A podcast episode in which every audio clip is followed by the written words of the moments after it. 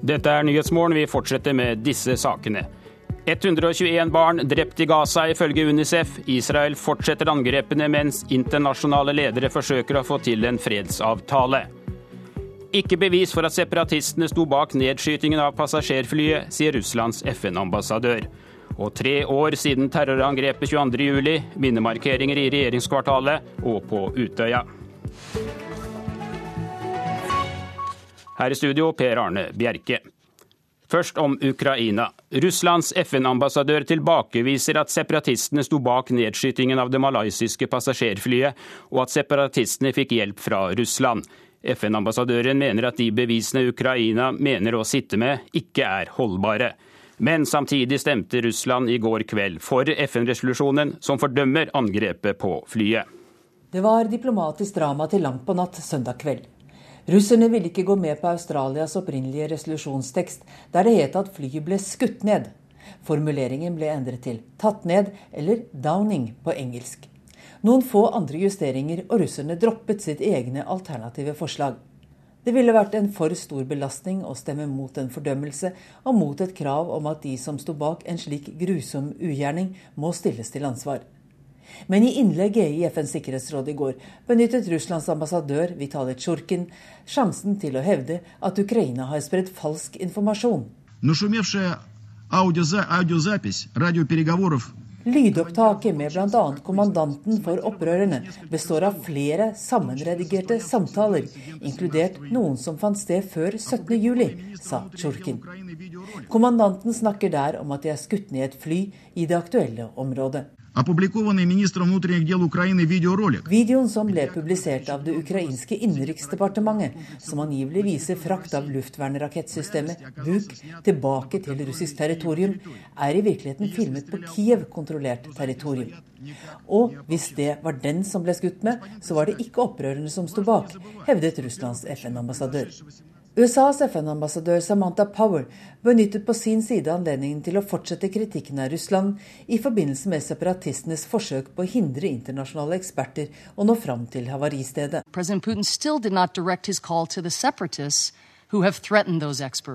President Putin har ennå ikke henvendt seg direkte til separatistene som har truet ekspertene, sa Power. Resolusjonen krever ellers også at kamphandlinger i området rundt flyet må opphøre, og den internasjonale luftfartsorganisasjonen ICAO skal ha hovedansvaret for granskingen. Groholm, New York. Reporter Joakim Reigstad, du er med meg direkte fra Donetsk i Ukraina. De svarte boksene fra flyet, altså ferdskriveren og taleregistratoren er, taleregistratoren er nå overlevert til malaysiske eksperter. Hvordan skjedde det? Ja, det var en eh, litt eh, merkelig seanse, må man kunne si, i eh, går kveld og i natt. Det var hektisk møteaktivitet på et hotell her i Donetsk mellom eh, representanter for den selvutnevnte regjeringen her i Donetsk-provinsen og representanter for malaysiske myndigheter. Eh, det ble mye fram og tilbake. Først var det meldt at eh, denne overleveringen skulle skje klokken 21 norsk tid. Men så ble det bare forskjøvet og forskjøvet. Og fire-fem timer senere så fikk vi da omsider melding om at malaysiske myndigheter hadde fått eh, disse svarte boksene.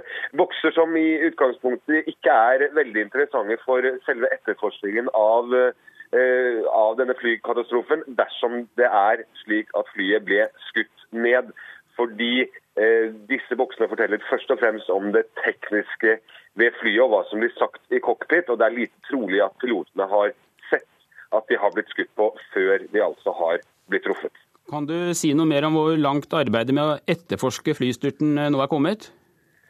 Ja, Dette er jo et uh, omfattende arbeid, selvfølgelig. Altså, Én ting er jo identifiseringsarbeidet. Nå er uh, de døde kroppene, eller nesten alle, i hvert fall 200, ca. 280, er fraktet til Kharkiv, som ligger ca. 300 km fra ulykkesstedet.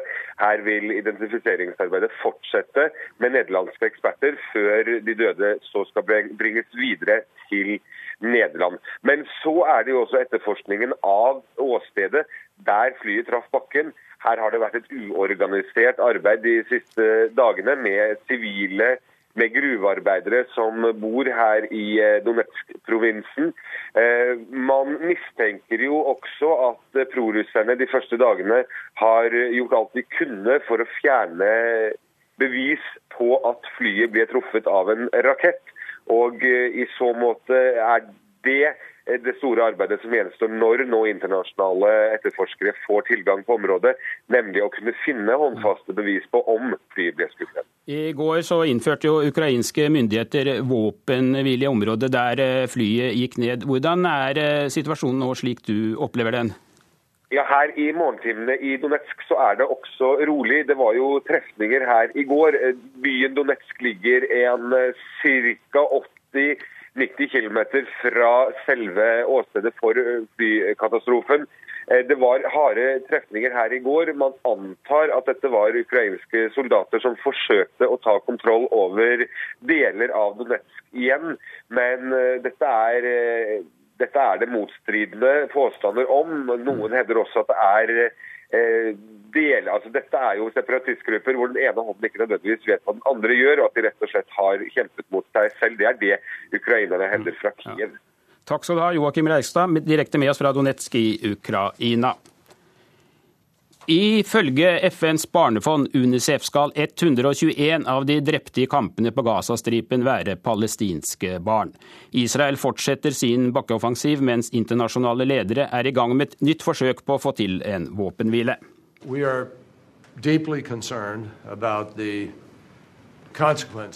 Vi er dypt bekymret for konsekvensene av Israels rett til å forsvare seg selv, sa USAs utenriksminister John Kerry etter å ha møtt med FNs generalsekretær i Kairo i går. Møtet var starten på et nytt forsøk på å framforhandle en fredsavtale i Midtøsten. Og det haster med å få på plass en umiddelbar stans i kampene. I løpet av natta skal antallet drepte ha steget på både israelsk og palestinsk side. 29 israelere, to av dem sivile, skal ha blitt drept siden kampene på Gazastripen startet 8.7. Over 570 palestinere skal også være drept. 121 av disse skal altså være barn. I tillegg skal over 900 barn være skadet, ifølge Unicef. I natt oppsto det kamper også på Vestbredden. Betlehem og Ramallah demonstrerte hundrevis av palestinere mot krigføringen på Gazastripen. De kastet steiner mot israelske soldater, som svarte med tåregass. Ifølge palestinske kilder skal én palestiner ha blitt drept. I fully understand Generalsekretær i FN Ban Ki-moon uttrykte medfølelse med det palestinske folket etter møtet med Kerry i går. Samtidig anerkjente han Israels rett til å forsvare sine innbyggere. Ban er forventet å reise videre til samtaler med Israel i dag. De internasjonale lederne har som uttrykt mål å få til en våpenhvile så snart som mulig. Det gjenstår å se hvor snart. Reporter her var Hilde Sveig Kolstad. Proteseverkstedet i Gaza, som ble startet med hjelp av penger fra Tromsø, var tidligere i år truet av nedleggelse pga. pengemangel. Men nå er det stor pågang fra folk som vil hjelpe. En av dem er Maria, som i dag overfører en halv million kroner til proteseverkstedet. Jeg syns at vi har en medmenneskelig plikt og en lojalitet til å forsøke å hjelpe hjelpeløse, lidende mennesker. Jeg traff Mats Gilbert i Genéve da han holdt foredrag om sin bok 'Øyne i Gaza'. og Da spurte jeg ham om en halv million ville hjelpe hvis jeg testamenterte det. Og det sa han at det ville, og nå forsto jeg at proteseverkstedet var i fare for å bli nedlagt, og at det trengtes en halv million. Og da tenkte jeg som så at det er ikke noe vits i at han skal vente til jeg er død, jeg gir det heller nå. Proteseverkstedet i Gaza ble starta med hjelp av penger fra Tromsø. Og initiativtaker Ingrid Evertsen bekrefter at mange ønsker å gi sitt bidrag for å hjelpe i disse dager. De har foreløpig ingen oversikt over hvor mye som har kommet inn. Evertsen er svært takknemlig for givergleden. Vi er ydmyke og vi er glad og alle er Jeg tror at de fleste i dette landet er glad for at vi kan kunne hjelpe disse den ekstreme armoden som foregår i Midtøsten. Vet dere at pengene kommer frem, og at de som trenger det, får det? Siden 2009 er det ikke skusla bort ti øre av den kontoen. Til og med Sparebanken Nord-Norge sender pengene vederlagsfritt ned. De tar ikke et rødt øre for det. Så her går det ikke ei krone bort på noe som helst måte. Reporter her var Tove Jensen. Nordmannen som er satt på USAs terrorliste og som er siktet av PST, var årsaken til at amerikanske myndigheter utvidet sikkerheten på fly som skal til USA. Amerikanske Fox News viser til kilder i den amerikanske kongressen som knytter den eh, norske 35-åringen direkte til det økte sikkerhetsnivået på fly som kommer til USA. Passasjerer på direkteruter til USA er bl.a. blitt nødt til å slå av og på mobiltelefonen og vise at den fungerer.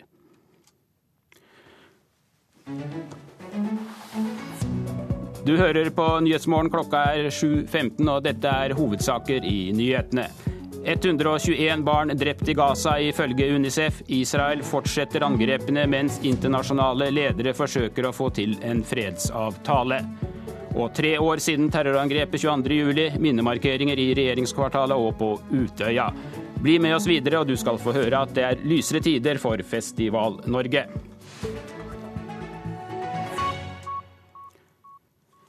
I dag, 22.07, er det tre år siden terrorbomben i Oslo og drapene på AUFs sommerleir på Utøya.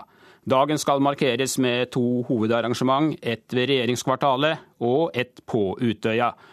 Ole Bjørn Olofsrud var på jobb i regjeringskvartalet da bomben smalt. Jeg var da faktisk i kjelleren på Høyblokka. Jeg si for en surrealistisk opplevelse. Det var et enormt drønn. Jeg, jeg gikk heldigvis ut uten skade. Jeg skjønte at det var noe feil, eh, noe som var skjedd, og var på vei ut, eller skulle gå ut. Og da møtte du bare mer og mer vrakrester og så omfanget av det som var skjedd her. Og det var en helt merkelig opplevelse. Altså. Hva møtte deg når du gikk ut? Ja, Det var jo enorme ødeleggelser. Det var ikke så store ødeleggelser akkurat der nede jeg var, men så møtte jeg bare mer og mer etter jeg skulle fra kjelleren og opp. da, og kom jo ut her, og det er jo ennå fortsatt papir i lufta som flagrer. og ja, kom ikke så langt ut, så får jeg telefon fra en kollega som også var her. så Han ringte og lurte på om jeg levde. Det var rart. Skjønte du hva som hadde skjedd?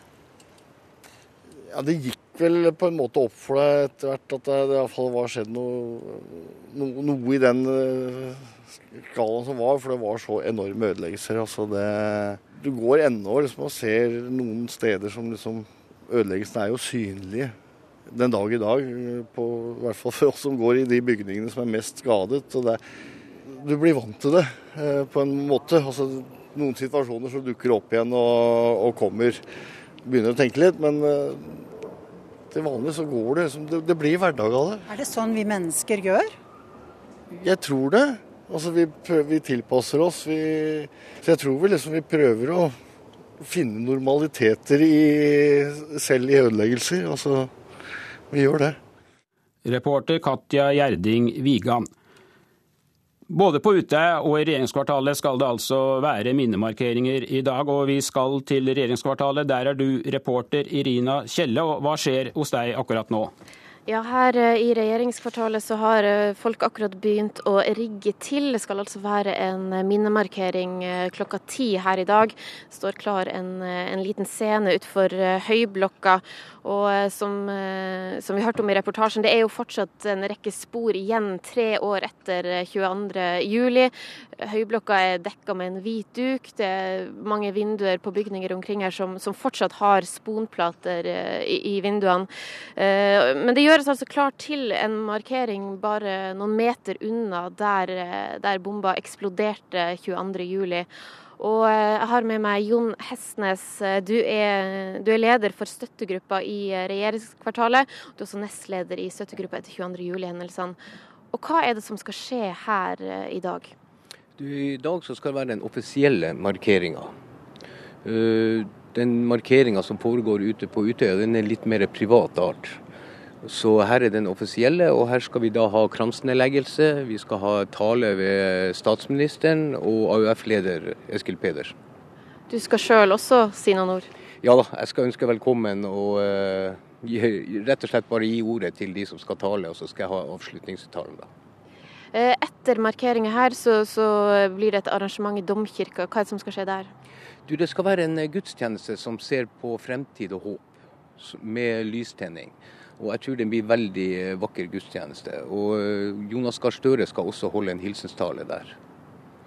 Du jobber fortsatt i regjeringskvartalet. Du var ikke blant dem som var på jobb akkurat her 22.07. Du satt på et eh, fly, eh, men du mista kolleger i, eh, i, terrorangrepet. Hvordan er det å være her i dag? Nei, jeg må si at det er en spesiell dag i dag, og følelsene kommer tilbake. Det gjør det. Det begynner å nærme seg 22.07, så begynner man liksom å kjenne på kroppen at nå kommer den dagen. Og både jeg og de alle berørte har det veldig tøft denne dagen vi har det. Men allikevel på en annen måte så er det litt godt også at vi kan treffes, vi kan samles. For vi har jo blitt en god gjeng som blir kjent med hverandre på de her tre årene. Så Sånn sett så er det litt godt, men det er en tøff dag. Det er det. Det var jo 250, om lag 250 mennesker som var eh, på jobb i Høyblokka her, og også departementskontorene omkring. Eh, hvordan har det gått med folk tre år etterpå? Du, Det er veldig varierende. Eh, noen har klart seg veldig bra.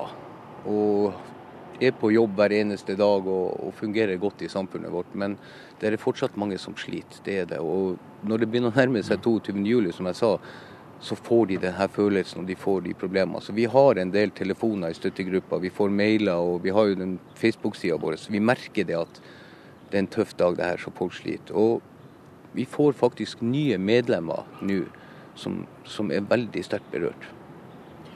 Da får eh, vi vel bare ønske lykke til med denne eh, veldig spesielle dagen. Arrangementet i regjeringskvartalet begynner altså klokka ti i dag i Oslo. Takk skal du ha, Irina Kjelle, med oss fra regjeringskvartalet. Også avisene er i dag preget av at det er tre år siden terrorangrepet 22.07. Våre sterkeste minner, skriver Dagbladet på forsiden, og har intervjuet flere av dem som ble berørt av tragedien. Line Benedikte Nærsnes jobbet i Justisdepartementet og befant seg i 11. etasje da det smalt. Hun forteller hvordan hun fikk deler av vinduskarmen over seg og hadde en pinne stående ut av hodet da hun gikk ut av bygningen. Hun beskriver hvordan hun gikk ned trappa og skjønte at det ikke var vegger igjen. Alt var borte, forteller hun. Dagbladet har også snakket med Oslos ordfører Fabian Stang, som sier han måtte ha noen minutter på rådhustrappa alene for å ta omfanget av tragedien inn over seg. Dagsavisen har intervjuet bl.a. generalsekretæren i Flyktninghjelpen, Jan Egeland. Det var den dagen jeg og alle rundt meg forsto at vi ikke lenger kan ta verken vårt demokrati, vår frihet eller vår sikkerhet for gitt, sier han til avisen. Aftenposten skriver på lederplass at så lenge det lever mennesker som husker 22.07.2011, vil det være umulig å late som ingenting har skjedd. Dagen vil bli markert og husket på samme måte som vi fremdeles husker og markerer 9.4 og 8. mai, skriver avisen. VG skriver om tropevarmen over store deler av landet på sin første side. Hetebølgen kommer til å vare i flere dager, og enda varmere skal det bli, skriver avisen, som også kommer med noen tips om hvordan du skal takle varmen. Ta pauser fra sola, og drikk nok væske. Jeg er både ydmyk og beæret, sier Svein Rikard Brandtzæg til Dagens Næringsliv.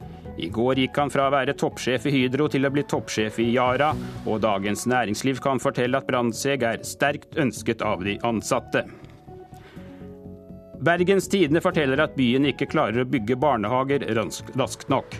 To av tre nye barnehager i Bergen er forsinket, skriver BT, og i mellomtiden må mange av barna ta til takke med brakkebarnehager. Og Romerikes Blad forteller at én av tre båteiere på Romerike bryter fartsgrensene. Oppfordringen til alle dem som ferdes på Øyeren og de lokale elvene er senk farten og ta hensyn til andre.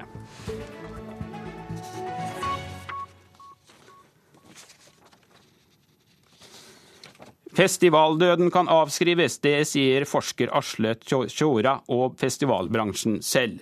I 2008 slet mange musikkfestivaler med dårlig økonomi og få deltakere, og fremtiden til Festival-Norge ble spådd nord og ned.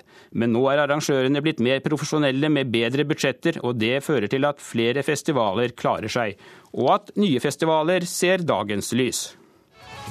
Økonomisk krise i Festival-Norge, nå spås festivaldød. Men vi skal først til HV-festivalen, som altså er konkurs. Storåsfestivalen i Meldal blir slått konkurs. Kvartfestivalen i Kristiansand er slått konkurs. Slik lød overskriftene for fem og seks år siden, da mange norske festivaler slet med dårlig økonomi og publikumsoppslutning. Men nå skriver vi 2014, og pipe har fått en annen lyd. Jeg syns vi skal avskrive festivaldøden. Det sier Aksel Tjora, professor i sosiologi på NTNU. Han mener den norske festivalkulturen vokser pga. et bredere og mer betalingsdyktig publikum, flere nisjefestivaler med internasjonal appell, og at arrangørene har blitt mer profesjonelle. Så det er nok en litt eh, stø hånd på rattet på mange av festivalene i dag, som ikke var fullt så støe for en stund siden. For i 2008 var det mange som mente at Festival-Norge hadde en sort fremtid foran seg.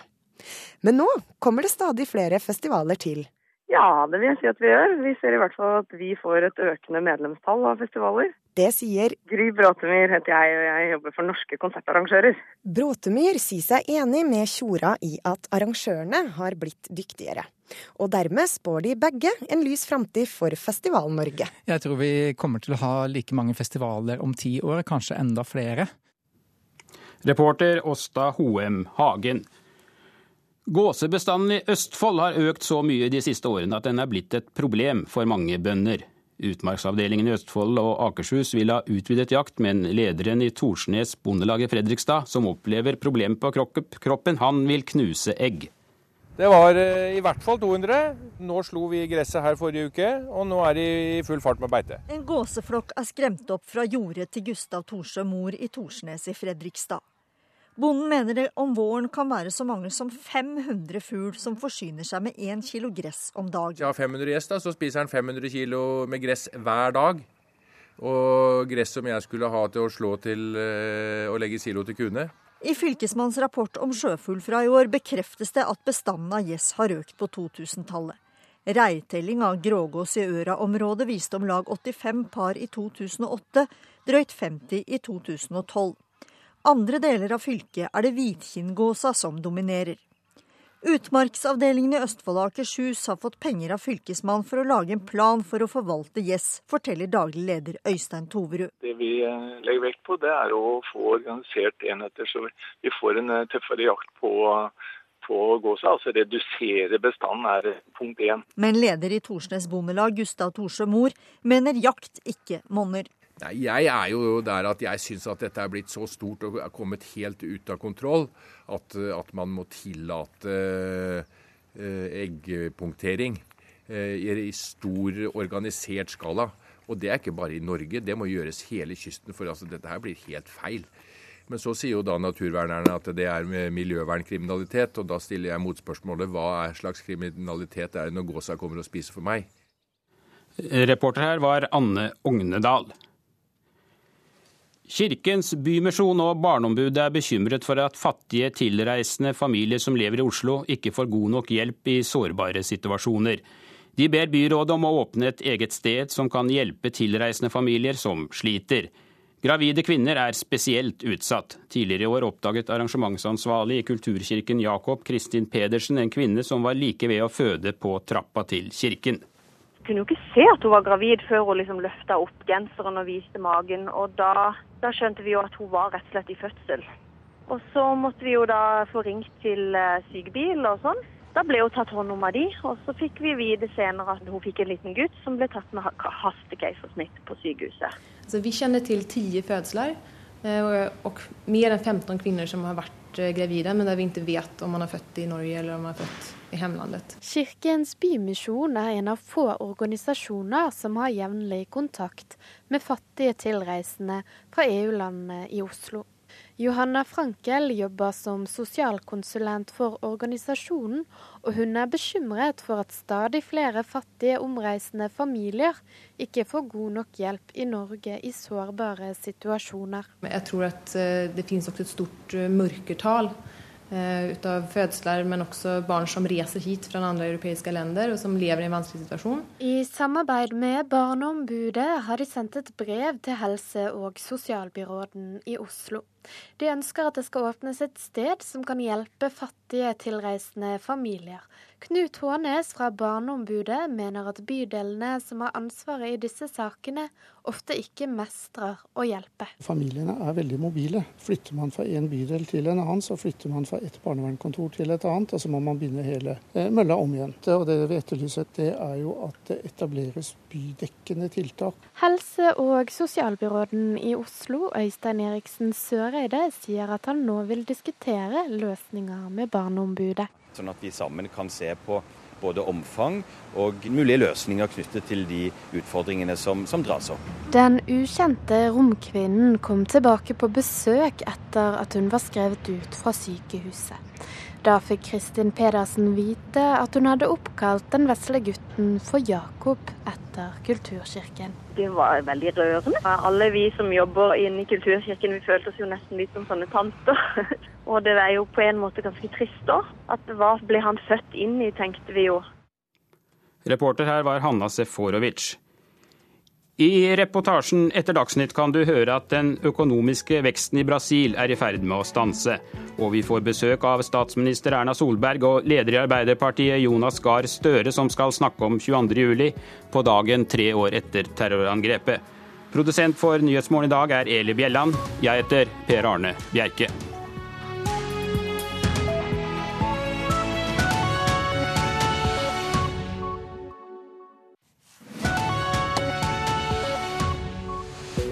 Nyhetsmorgen fortsetter der vi straks får besøk av statsminister Erna Solberg og leder i Arbeiderpartiet Jonas Gahr Støre. Men først skal vi til Brasil. For der er den økonomiske veksten i ferd med å stanse. Nye tall viser nå at veksten vil komme under 1% i år, og ekspertene frykter at landet vil gå inn i resesjon mot slutten av året. Det er dårlig nytt for landets president foran høstens valg. Og Arnt Stefansen har sendt oss denne reportasjen fra Rio de Janeiro. Ouviram no Ipiranga as margens plácidas Brasils nasjonalsang innleder toppmøtet mellom president Dilma Rousef og hennes kinesiske kollega Xi Jinping i Brasilia i forrige uke. Eksporten av landbruksprodukter og andre råvarer til det enorme kinesiske markedet er det viktigste grunnlaget for Brasils økonomiske vekst det siste drøye tiåret. Brasil são as maiores economias em desenvolvimento. Kina og Brasil er størst på hver sin halvkule blant de fremvoksende økonomiene, sier Brasils president Dilma Rousef i sin åpningstale. Og siden 2009 har Kina vært vår største handelspartner, sier hun. Men det presidenten ikke sier, er at den kinesiske økonomien vokser stadig langsommere, og at dette er en viktig grunn til at veksten her i Brasil nå er i ferd med å stanse helt opp. Verdensmesterskapet i fotball ga et solid løft for reisenæringen, servicesektoren og i salget av TV-apparater her i Brasil. Men for landets industri var det en katastrofe. Fridager når Brasil spilte VM-kamper, i tillegg til utstrakt TV-titting på jobben, gjorde VM-måneden til den dårligste for den brasilianske industrien siden de faste målingene startet i 2010, viser en rapport fra det brasilianske industriforbundet. Den brasilianske bilproduksjonen falt med mer enn 30% i forrige måned, delvis som følge av den dype krisa i nabolandet Argentina. Brasil er verdens fjerde største bilprodusent, og de dystre tallene kommer samtidig med at brasilianske eksperter nå på ny nedjusterer sine anslag for den økonomiske veksten til mindre enn 1% for 2014. Den kjente økonomijournalisten Miriam Leitown tror det snart kommer enda mer pessimistiske tall. Então, todo mundo começou agora a prever alle nedjusterer tallene. De siste månedene har tallene for forventet vekst blitt stadig lavere, og nå er vi for første gang under 1% Det er derfor grunn til å frykte at Brasil går inn i en resesjon, en økonomisk nedgang, før året er omme.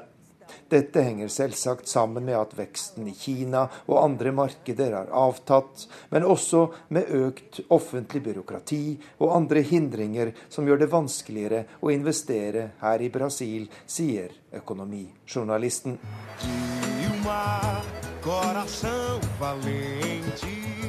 Brasils president hylles i partiets valgkampsang foran høstens presidentvalg. Og fortsatt leder Dilma Rousef klart på meningsmålingene, godt hjulpet av et velorganisert VM i fotball. Men den økonomiske krisa gjør utfallet usikkert, og de siste målingene tyder på at det kan bli nødvendig med en ekstra valgomgang ved høstens valg.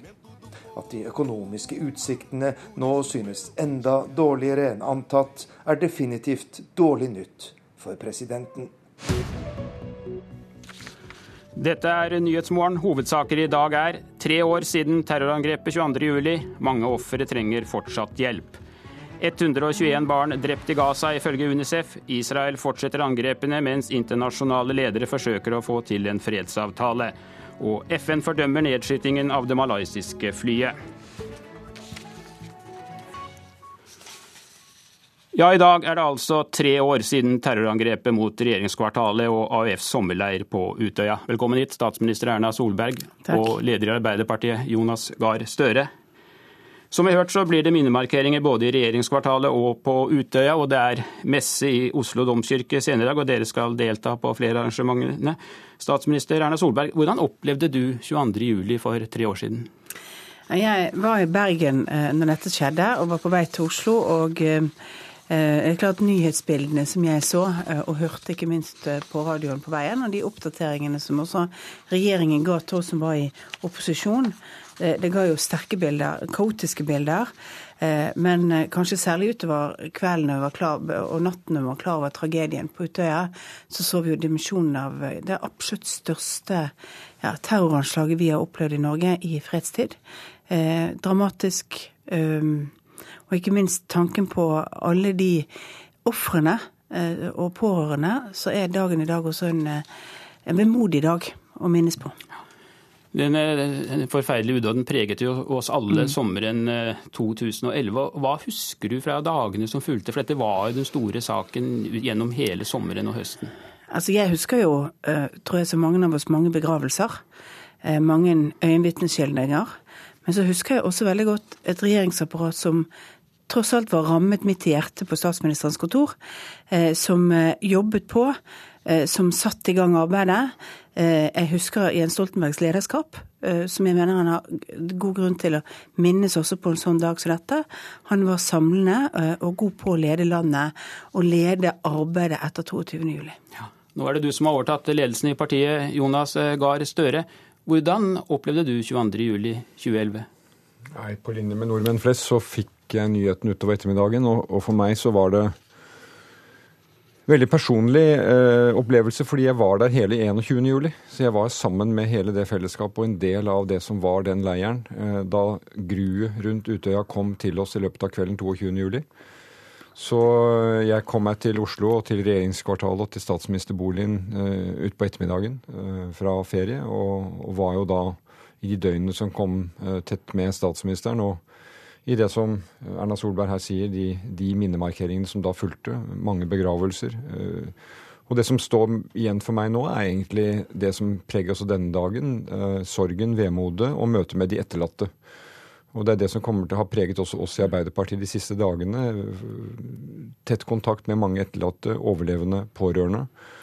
Og minne om at tiden gjør noe med oss, men det er ikke slik nødvendigvis at den leger alle sår. Den, det er fortsatt mange mennesker som sliter og har store eh, problemer med det som skjedde 22.07. Ja, for det er, dette er noe som Arbeiderpartiet kommer til å bære med seg i mange år fremover. Ja, altså det, det er jo midt oppi det hele også et veldig klart uttrykt attentat mot Arbeiderpartiet. Eh, gjennomtenkt og formulert som en idé med å ramme de unge. Eh, og som du har sett i nyhetsbildet de senere tiden, så er det nok mange som føler at det er et tema som vi kanskje ennå ikke helt har bearbeidet og, og, og fordøyet. At det faktisk kunne skje. at et sånt hat kunne vokse fram, og en så grusom handling kunne, kunne ramme oss. Erna Solberg, hat mot Arbeiderpartiet, Jonas Gahr Støre, men dette var jo også et angrep på samfunnet. Hvorfor er det viktig at vi fortsetter å markere 22.07? Aftenposten skriver jo i dag at dette kommer til å fortsette med å sammenligne 22.07 med 9. april og 8. mai. For det, eh, det er det største angrepet på Norge i fredstid.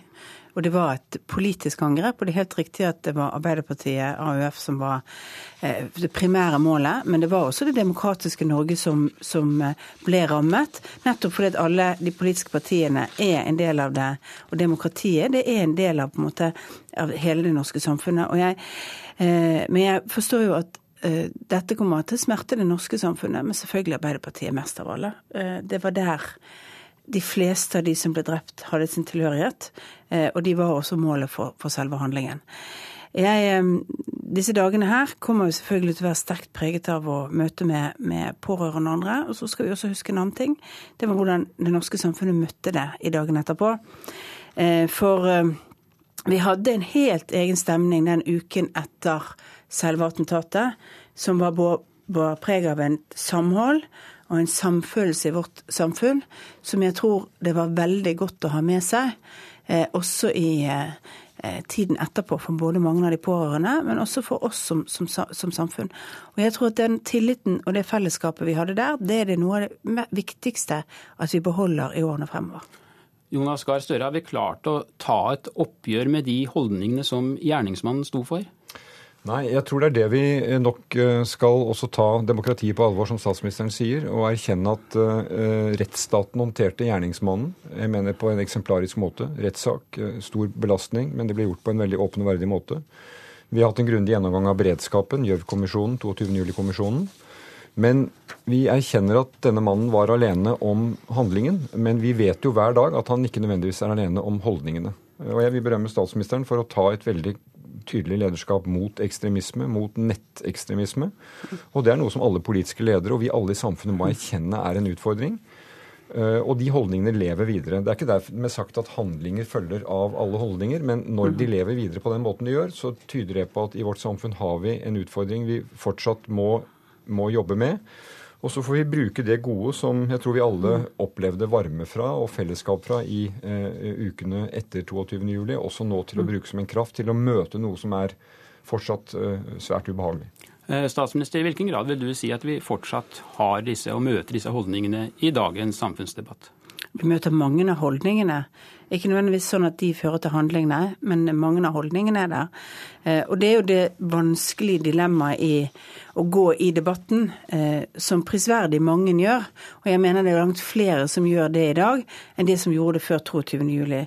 Men utfordringen er jo at når du gir oppmerksomhet til det, så skaper det også tenner det gnister som det er viktig at vi passer på at vi slukker når de tennes. Eh, og da er jeg opptatt av at noe av det viktigste vi gjør, er å jobbe med holdninger blant barn og unge. Eh, og det dreier seg om en sammenheng mellom alt fra altså det som dreier seg om å skape empati, forståelse for andre mennesker. En ekstrem handling som fører til voldelig handling, dreier seg også om at du klarer å gjøre andre mennesker til objekter. Og når vi skal jobbe mot eh, radikal ekstremisme på uansett politisk grunnlag, så er det viktig å jobbe med barn og ungdoms holdninger generelt for medmenneskelighet og empati.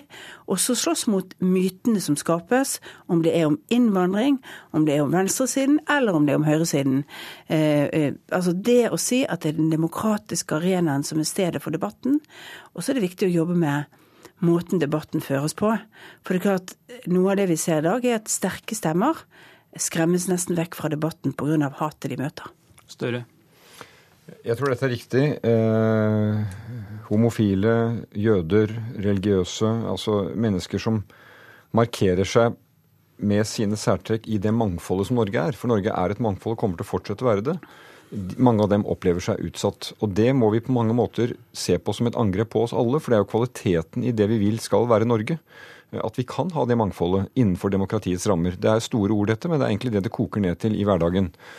Og så må vi jobbe, vi som er iallfall i min politiske bevegelse, med fortsatt å bearbeide det at dette hatet 22.07.2011 ble rettet mot oss. Eh, også mot det demokratiske Norge, som statsministeren sier. Men det er fortsatt et, et faktum at, at, den grufulle handlingen på Utøya var et, et, et, politisk angrep som må bearbeides. Så jeg ser jo nå at AUF lever i beste velgående. Det kommer nye mennesker til alle politiske ungdomspartier, og det er en kraft i ungdommen vår.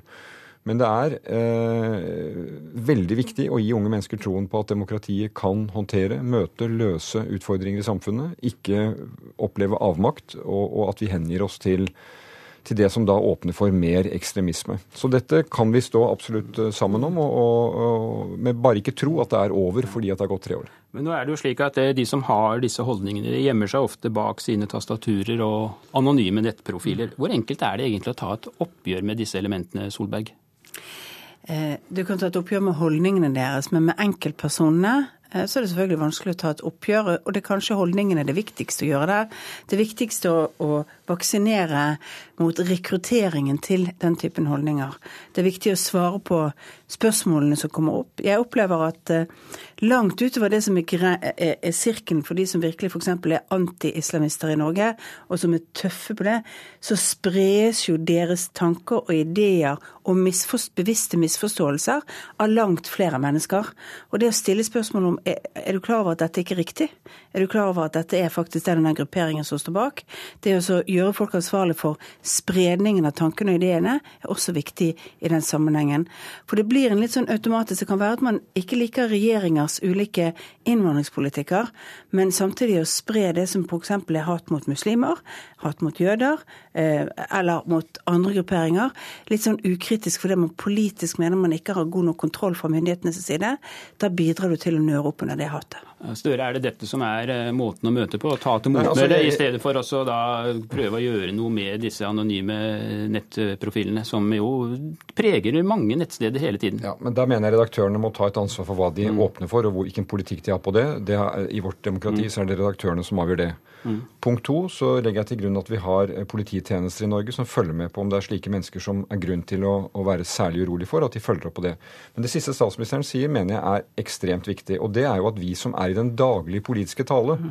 innenfor demokratiet, foran dine mikrofoner og ellers, at vi må tenke at det vi kan si og oppleve som å være egentlig uskyldig eh, eh, påstander kan også tenne disse gnistene og gi næring til, til, til hat. Eh, og der er nok deler fra vår egen innvandringsdebatt. Vår deler av måte å omtale minoriteter på, som kommer inn i dagligtalen, som kan være i skolegårdene, som kan være rundt forbi i samfunnet, eh, som kan tenne slike gnister. Så det at det å oppleve ansvaret for hva man sier, hvordan man mm. sier, hvordan man omtaler et mangfold i et land som tidligere var vant til å være veldig, se veldig likt ut, det er en samfunnsoppgave som vi alle har, og som eh, vi kan bli minnet på i dag, 22.07, slik at vi tar et oppgjør med en fortid og forbereder en framtid. Eh, statsminister, vil du si at vi har fått en noe annerledes innvandringsdebatt etter 22.07, eller er det slik den var før? Jeg mener vi har fått en annerledes innvandringsdebatt. Jeg tror Hvis man går gjennom og ser på hva som sies i debatten, så er det nok, nok litt annerledes. Eh, men eh, det betyr ikke at den kommer til å være sånn eh, hele Det kommer hele tiden være avhengig av hendelser, begivenheter som styrer det. Og det er viktig å lufte ut på de meningene som er kritiske til hva regjeringene gjør. Eh, for det, det, er også en del av demokratiet å tørre å høre. Og jeg tror det norske samfunnet blir sterkere av at vi tør møte i åpent lende de som er kritiske til hva, hva, hva, vi gjør og hva vi mener. Men samtidig mener jeg vi skal utfordre faktagrunnlaget for mye av det som sies. Eh, faktagrunnlaget for f.eks. når man påstår at Norge vil bli oversvømt av muslimer i fremtiden og annet. Det er ikke riktig.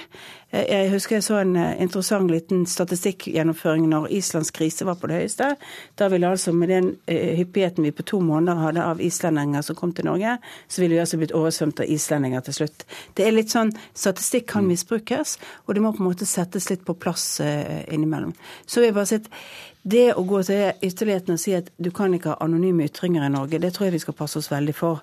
Jeg syns det er bra at redaktørene ja. krever noe annet, men anonyme ytringer at Et demokrati som Norge eh, kan tenke at det ikke er så farlig.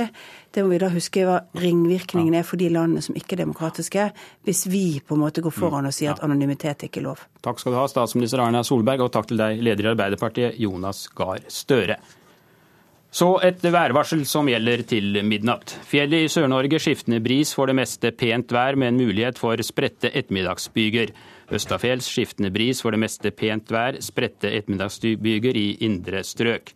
Vestlandet sør for Stad skiftende bris fra utpå dagen, overveiende nordlig, pent vær.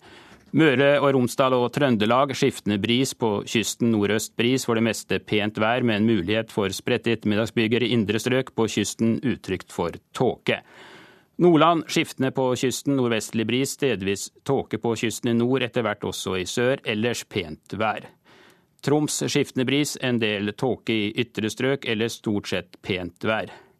Finnmark skiftende for det meste nordvestlig bris, i kyst- og fjordstrøkene en del tåke, ellers delvis skyet oppholdsvær.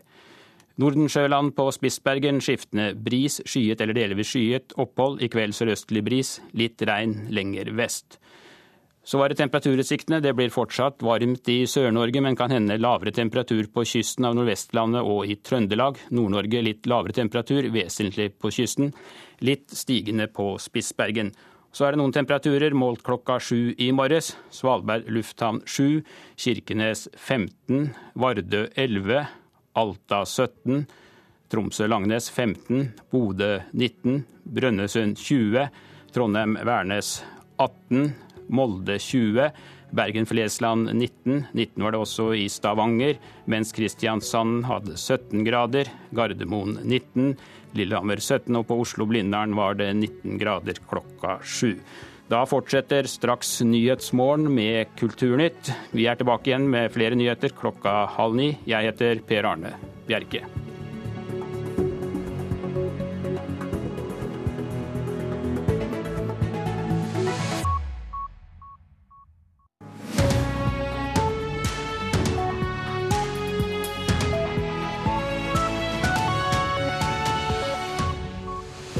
Klokka er 8.30 og Nyhetsmorgen fortsetter med disse sakene.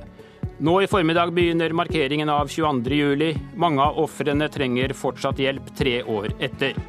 121 barn drept i Gaza ifølge Unicef. Israel fortsetter angrepene mens internasjonale ledere forsøker å få til en fredsavtale. Og de svarte boksene etter flytragedien i Ukraina er overlevert myndighetene i Malaysia.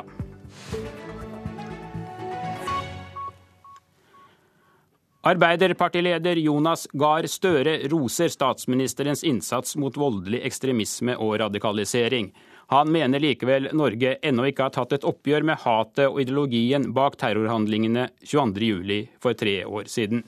Så dette kan vi stå absolutt sammen om, og, og, og, men bare ikke tro at det er over fordi det har gått tre år. Den siste tida har flere Ap-topper etterlyst et klarere oppgjør med motivene bak terroren som drept 77 mennesker. Vi erkjenner at denne mannen var alene om handlingen, men vi vet jo hver dag at han ikke nødvendigvis er alene om holdningene. Støre er glad for at Høyre-Frp-regjeringa tidligere i sommer la fram en omfattende handlingsplan mot ekstremisme og radikalisering.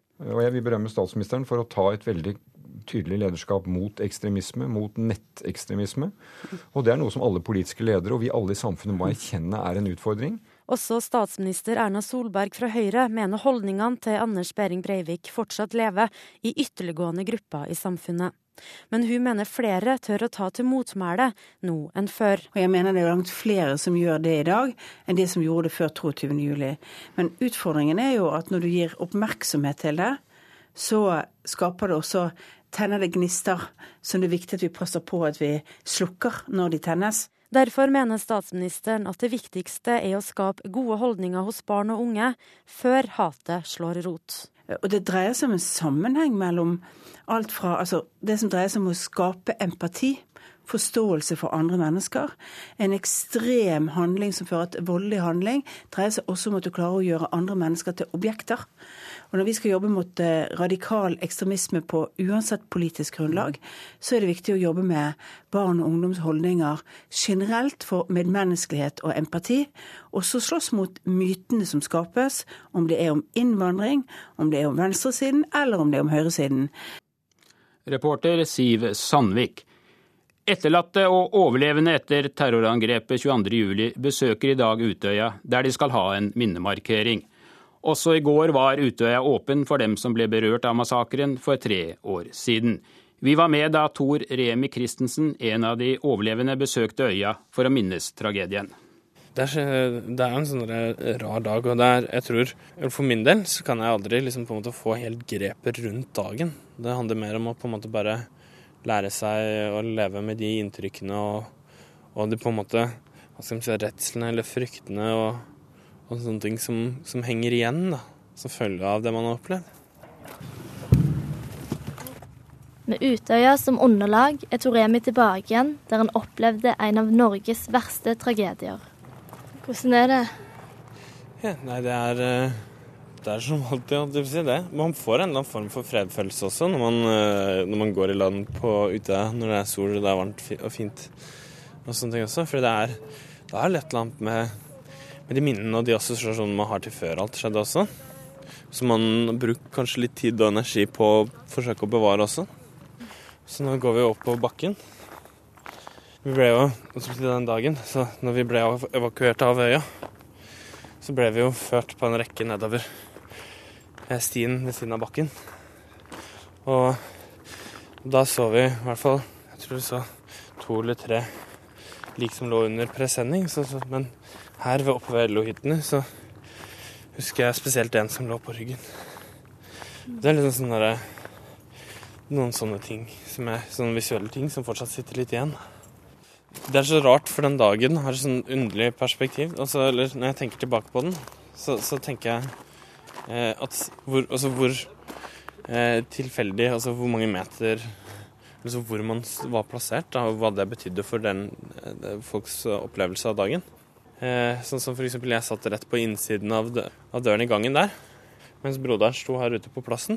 Og, og broderen måtte løpe rundt og gjemme seg på øya, og til, og til slutt svømme, mens jeg ble sittende inne og, og på en måte tilsynelatende utenfor fare. Her inne hjem til oss. Her var vi seks stykker i to timer. Da, da vi hørte at Delta kom inn, så gikk vi ut. Eh, gikk ut og gikk i møte. Politikken er nå lagt på hylla, men for tre år siden var han fylkesleder i Buskerud AUF. Det var nok en, en tung rolle å ha. Vi mista jo to stykker. Eh, spesielt hun yngste som omkom. Det, det plaga meg en stund etterpå at jeg overtalte moren hennes til å sende dattera si dit. Men vi snakka, vi hadde en veldig god samtale om det eh, i, i, en av begravelsene. Og hun sa det at du kan ikke holdes ansvarlig for det, du. Det er jo gjerningsmann som, må være, som skal holdes ansvarlig. Men det handler om hele veien, tror jeg, å lære seg å leve med det man har opplevd. Altså å bevege seg sakte, men sikkert videre i sitt eget tempo. Jeg tror folk må, må finne ut av det selv. Ja, det er eh, mange sterke minner som dukker opp på en slik dag. Reporter her var Tove Bø. Og Det skal altså være en rekke minnemarkeringer på treårsdagen for terroren. Og Kommentator i NRK Knut eh, Magnus Berge, hva er det som skal foregå? Dette var jo et angrep som ramma hele landet, og det skal være større og mindre eh, markeringer over hele landet. Men de viktige hovedmarkeringene skjer i Oslo og på Utøya. Klokka ti i regjeringskvartalet. Eh, klokka tolv i Oslo domkirke, som vi òg husker var en viktig arena for sorgarbeidet i tida etter 22.07. Og klokka 16 på Utøya i ettermiddag, der det skal være en markering. Eh, hovedaktører gjennom dagen blir AUFs leder Eskil Pedersen, eh, representanter for de nasjonale støttegruppene. Statsministeren skal delta, og også Arbeiderpartiets leder Jonas Gahr Støre. Hvorfor er det så viktig for oss å markere 22.07? Jeg syns begge de to eh, foregående reportasjene minner godt om hvorfor. Eh, både eh, møtet med ungdommen som var på Utøya, det ufattelige som foregikk der ute, blir vi minnet på med sånne møter som vi nettopp hørte. Men også debatten vi hadde først mellom Jonas Gahr Støre og statsminister Erna Solberg om ekstremisme, og, og, og, om Norge har i tilstrekkelig grad tatt oppgjøret med høyreekstreme holdninger. Begge disse eh, reportasjene de minner oss om hvorfor det er viktig å markere denne dagen. Vil du si at det er naturlig å markere denne dagen på samme måte også i årene som kommer? Jeg vil i alle fall si at det er helt eh, sikkert at 22.07 vil bli markert i overskuelig framtid. Dette var eh, det største anslaget mot eh, Norge. Det var et angrep på AUF, på Arbeiderpartiet, men også på Norge og på oss alle. Og slik sett så vil 22.07 føye seg inn i norsk eh, historie eh, eh med samme fortegn som 9. april, 8. Eh, mai, andre viktige symboldatoer. Er eh, alle debattene rundt denne dagen rundt 22.07 nå tatt? Nei, eh, og jeg syns også at det vi hørte til å begynne med i denne sendinga, vitner om det. Arbeiderpartiet har nok vært engstelige for å påta seg rollen som offer i denne saka, i frykt for at de skulle bli skylda for å slå politisk mynt på det som skjedde. Eh, nå virker det som en er innstilt på å gå inn i både den diskusjonen eh, og også eh, ta sterkere grep om debatten om holdningene som lå bak 22.07. Så alle diskusjoner er ikke tatt. Tvert imot tror jeg kanskje nå at vi har fått såpass avstand til det, selv om tre år er relativt kort tid, at flere diskusjoner nå kan starte. Takk skal du ha, Knut Magnus Berge. Og minnemarkeringene og gudstjenestene i Oslo domkirke kan du følge utover dagen på NRK1, nrk.no og Alltid nyheter. Første sending starter klokka ti. Ifølge FNs barnefond UNICEF skal 121 av de drepte i kampene på Gazastripen være palestinske barn. Israel fortsetter sin bakkeoffensiv, mens internasjonale ledere er i gang med et nytt forsøk på å få til en våpenhvile. Vi er dypt bekymret for konsekvensene av Israels rett til å forsvare seg selv, sa USAs utenriksminister John Kerry etter å ha møtt FNs generalsekretær i Kairo i går. Møtet var starten på et nytt forsøk på å framforhandle en fredsavtale i Midtøsten. Og det haster med å få på plass en umiddelbar stans i kampene. I løpet av natta steg antall drepte på både israelsk og palestinsk side. 29 israelere, to av dem sivile, er drept siden kampene på Gazastripen startet 8. juli. Over 570 palestinere skal også være drept. 121 av disse er altså barn. I tillegg er over 900 barn skadet, ifølge Unicef. I natt oppsto det kamper også på Vestbredden. I Betlehem og Ramallah demonstrerte hundrevis av palestinere mot krigføringen på Gazastripen. De kastet steiner mot israelske soldater, som svarte med tåregass. Ifølge palestinske kilder skal én palestiner ha blitt drept. I fully understand Generalsekretær i FN, Ban Ki-moon, uttrykte medfølelse med det palestinske folket etter møtet med Kerry i går. Samtidig anerkjente han Israels rett til å forsvare sine innbyggere. Ban er forventet å reise videre til samtaler med Israel i dag. De internasjonale lederne har som uttrykt mål å få til en våpenhvile så snart som mulig. Det gjenstår å se hvor snart. Det var Hilde Svaig Kolstad som hadde laget denne reportasjen. Finansminister og Frp-leder Siv Jensen sier nei til å trekke oljefondet ut av selskaper som finansierer ulovlige israelske bosetninger. Jensen sier til Klassekampen at dette er en konflikt som må løses politisk og ikke gjennom boikott. Så langt har mer enn 850 000 personer skrevet under på et opprop som krever at Statens pensjonsfond utland trekker seg ut av slike selskaper. Underskriftskampanjen ble startet av en global aktivistorganisasjon. Russlands FN-ambassadør tilbakeviser flere ukrainske bevis om at separatister sto bak nedskytingen av det malaysiske passasjerflyet. Russland avviser også at separatistene har fått russisk hjelp. Men samtidig stemte Russland for FN-resolusjonen som fordømmer angrepet på flyet. Det var diplomatisk drama til langt på natt søndag kveld. Russerne ville ikke gå med på Australias opprinnelige resolusjonstekst, der det het at flyet ble skutt ned. Formuleringen ble endret til 'tatt ned' eller 'downing' på engelsk. Noen få andre justeringer, og russerne droppet sitt egne alternative forslag. Det ville vært en for stor belastning å stemme mot en fordømmelse og mot et krav om at de som sto bak en slik grusom ugjerning, må stilles til ansvar. Men i innlegget i FNs sikkerhetsråd i går benyttet Russlands ambassadør Vitaly Tsjurkin sjansen til å hevde at Ukraina har spredd falsk informasjon. Lydopptaket med bl.a. kommandanten for opprørerne består av flere sammenredigerte samtaler, inkludert noen som fant sted før 17.07, sa Tsjurkin. Kommandanten snakker der om at de er skutt ned et fly i det aktuelle området. Videoen som ble publisert av det ukrainske innenriksdepartementet, som angivelig viser frakt av luftvernrakettsystemet Buk tilbake til russisk territorium, er i virkeligheten filmet på Kiev-kontrollert territorium. Og hvis det var den som ble skutt med, så var det ikke opprørerne som sto bak, hevdet Russlands FN-ambassadør. Groholm, New York. De svarte boksene fra flyet, altså ferdskriveren og taleregistratoren, ble i natt overlevert til malaysiske eksperter. Det sier vår reporter i Donetsk i Ukraina, Joakim Reigstad.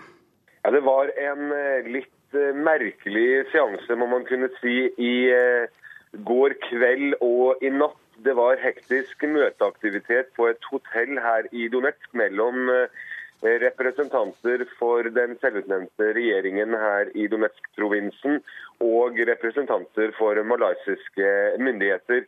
Eh, det ble mye fram og tilbake. Først var det meldt at eh, denne overleveringen skulle skje eh, klokken 21 norsk tid. Men så ble det bare forskjøvet og forskjøvet. Og fire-fem timer senere så fikk vi da omsider melding om at malaysiske myndigheter hadde fått disse svarte boksene.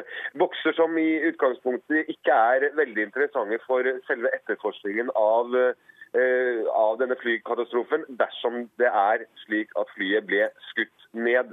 Fordi eh, disse boksene forteller først og fremst om det tekniske ved flyet og hva som blir sagt i cockpit. Og det er lite trolig at pilotene har sett at de har blitt skutt på før de altså har blitt truffet. Kan du si noe mer om hvor langt arbeidet med å etterforske flystyrten eh, nå er kommet?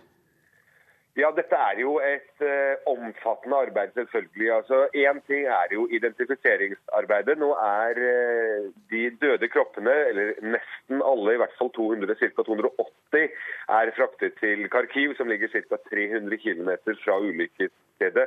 Her vil identifiseringsarbeidet fortsette med nederlandske eksperter, før de døde så skal bringes videre til Nederland. Men så er det jo også etterforskningen av åstedet der flyet traff bakken.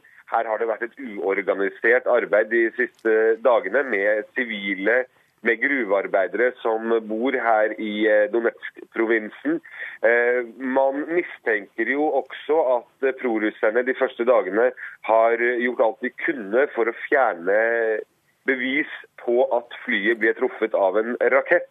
Og eh, i så måte er det det store arbeidet som gjenstår når nå internasjonale etterforskere får tilgang på området, nemlig å kunne finne håndfaste bevis på om flyet ble skutt.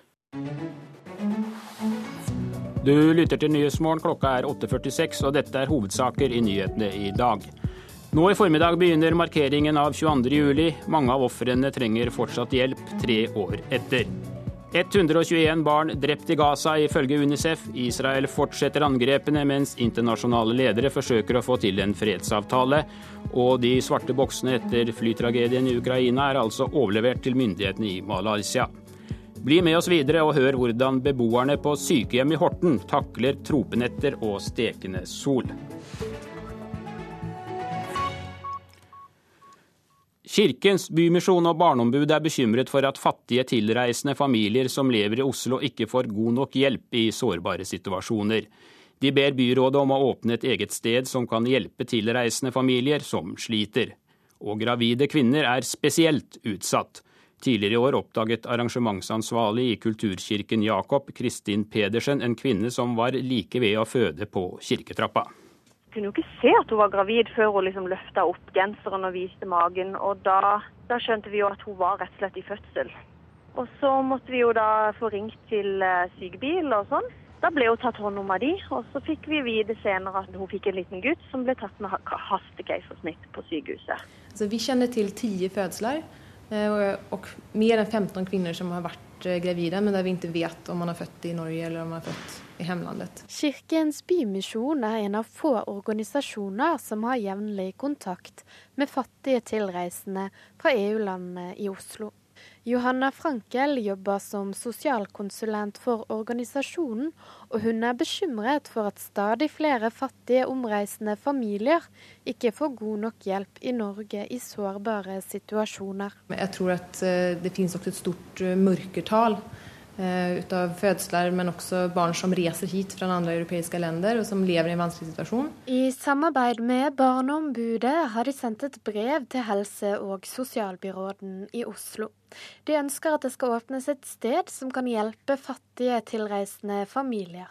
Knut Hånes fra Barneombudet mener at bydelene som har ansvaret i disse sakene, ofte ikke mestrer å hjelpe. Familiene er veldig mobile. Flytter man fra en bydel til en annen, så flytter man fra et barnevernskontor til et annet, og så må man begynne hele eh, mølla om igjen. Og det vi etterlyser, det er jo at det etableres bydekkende tiltak. Helse- og sosialbyråden i Oslo, Øystein Eriksen Søre Søreide sier at han nå vil diskutere løsninger med Barneombudet.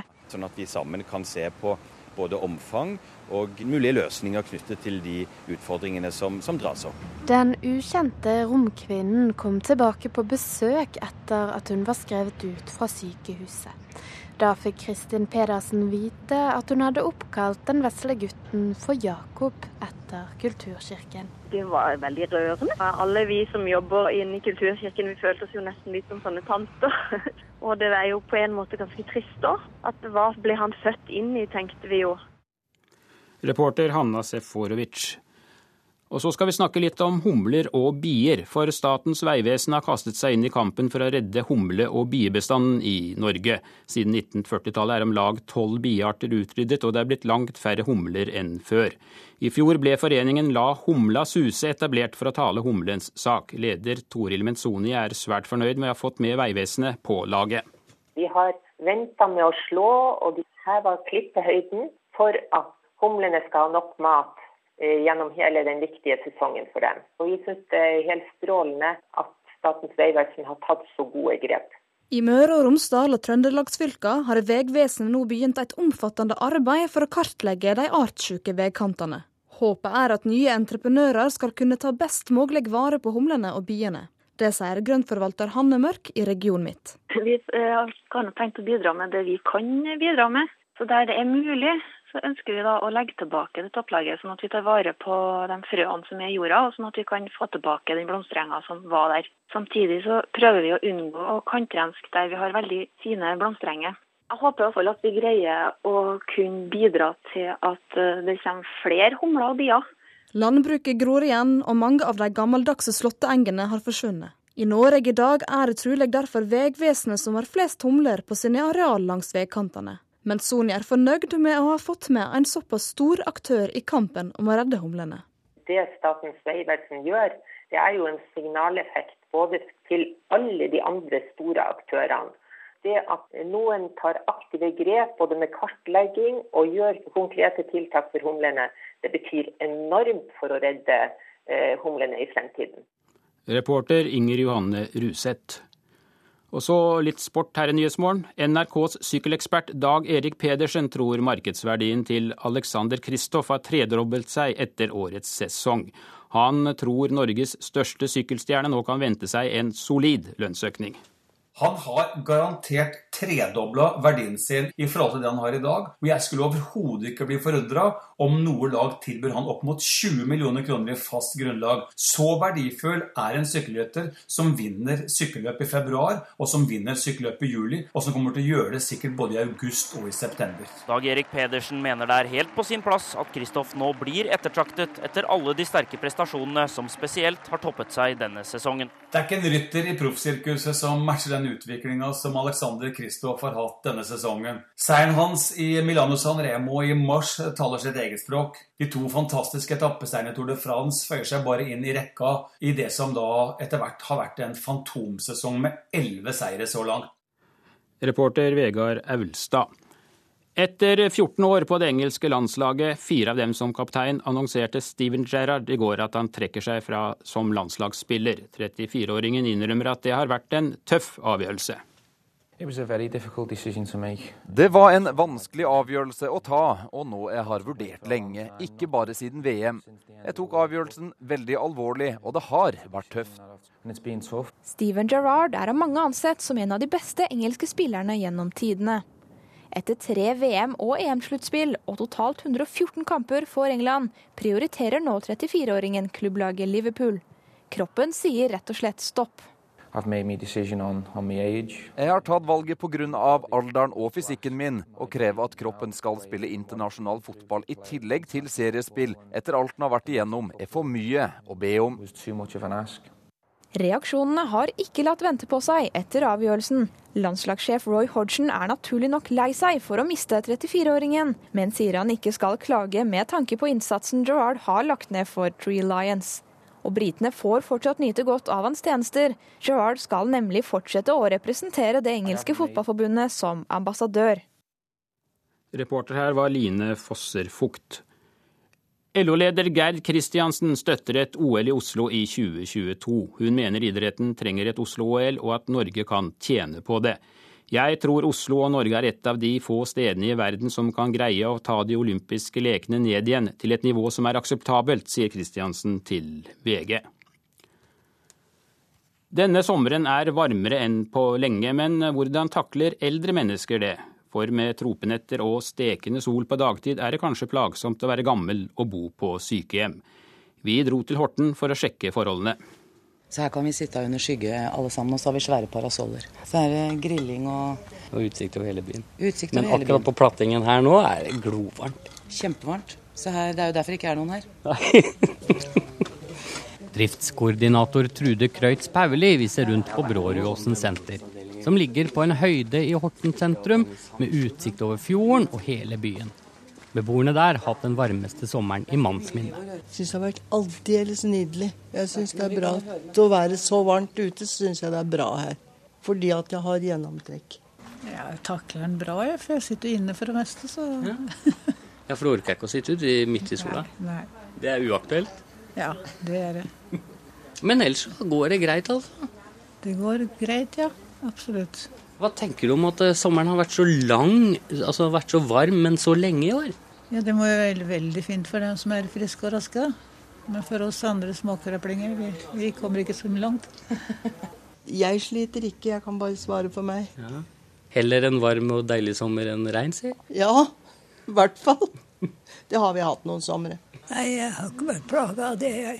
For jeg er mer sånn frysende anlagt. Ja. Så det går, går bra for meg. Ja. Vi forteller, vi forteller at vi har ismaskin nå, da. Ja, ismaskin, ja. ja da. Den er flittig i bruk, eller?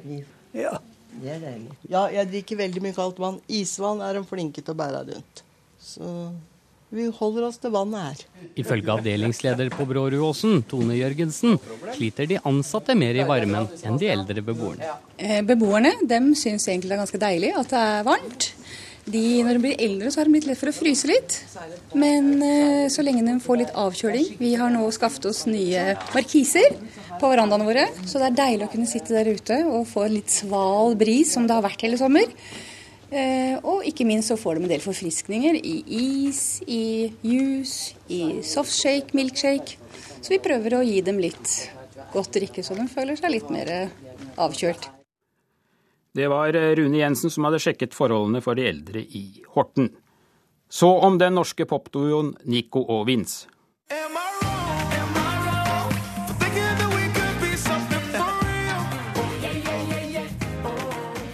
I natt opptrådde de på The Tonight Show hos Jimmy Fallon. Fire millioner TV-seere fikk med seg duoen og så at de fremførte hiten Am I Wrong i beste sendetid. Dette programmet er et av USAs mest populære talkshow. Senere i formiddag spiller Nico og Vince for enda flere når de opptrer på frokostprogrammet Good Morning America. Så et værvarsel som gjelder til midnatt. Fjellet i Sør-Norge får det meste pent vær, med en mulighet for spredte ettermiddagsbyger. Østafjells skiftende bris får det meste pent vær, senere spredte ettermiddagsbyger i indre strøk. Vestlandet sør for Stad skiftende bris fra utpå dagen, overveiende nordlig, pent vær. Møre og Romsdal og Trøndelag skiftende bris, på kysten nordøstbris, for det meste pent vær, med en mulighet for spredte ettermiddagsbyger i indre strøk, på kysten utrygt for tåke. Nordland skiftende på kysten, nordvestlig bris. Stedvis tåke på kysten i nord, etter hvert også i sør. Ellers pent vær. Troms skiftende bris, en del tåke i ytre strøk, ellers stort sett pent vær. Finnmark skiftende, for det meste nordvestlig bris. I kyst- og fjordstrøkene en del tåke, ellers delvis skyet oppholdsvær. Nordensjøland på Spitsbergen skiftende bris, skyet eller delvis skyet. Opphold, i kveld sørøstlig bris, litt regn lenger vest. Så er det temperaturutsiktene. Det er fortsatt varmt i Sør-Norge, men kan hende litt lavere temperatur på kysten av Nordvestlandet og i Trøndelag. Nord-Norge får litt lavere temperatur, vesentlig på kysten, og litt stigende på Spitsbergen. Så har vi noen temperaturer som ble målt klokka sju i morges. Svalbard lufthavn sju grader, Kirkenes 15, Vardø 11, Alta 17, Tromsø-Langnes 15, Bodø 19, Brønnøysund 20, Trondheim-Værnes 18, Molde 20, Bergen-Flesland 19, Stavanger var det også 19, Kristiansand-Kjevik 17, Gardermoen 19, Lillehammer 17 og Oslo-Blindern 19 grader. Ansvarlig for nyhetssendingen i dag det var produsenten Eli Bjelland. Teknisk ansvarlig Eli Kyrkjebø. Programleder er Per Arne Bjerke. Nå fortsetter alltid, nyhet, nyheter med nyheter, mens P2 sender samfunnsprogrammet Ekko. Har du tips eller kommentarer, så send oss gjerne en e-post til adressen nyhetsmorgen krøllalfa nrk.no. Jeg minner også om at du kan laste ned hele Nyhetsmorgen som lydfil eller podkast. Mer informasjon om dette finner du på nrk.no. Og Det er det vi hadde i morges. Ha en fortsatt god dag.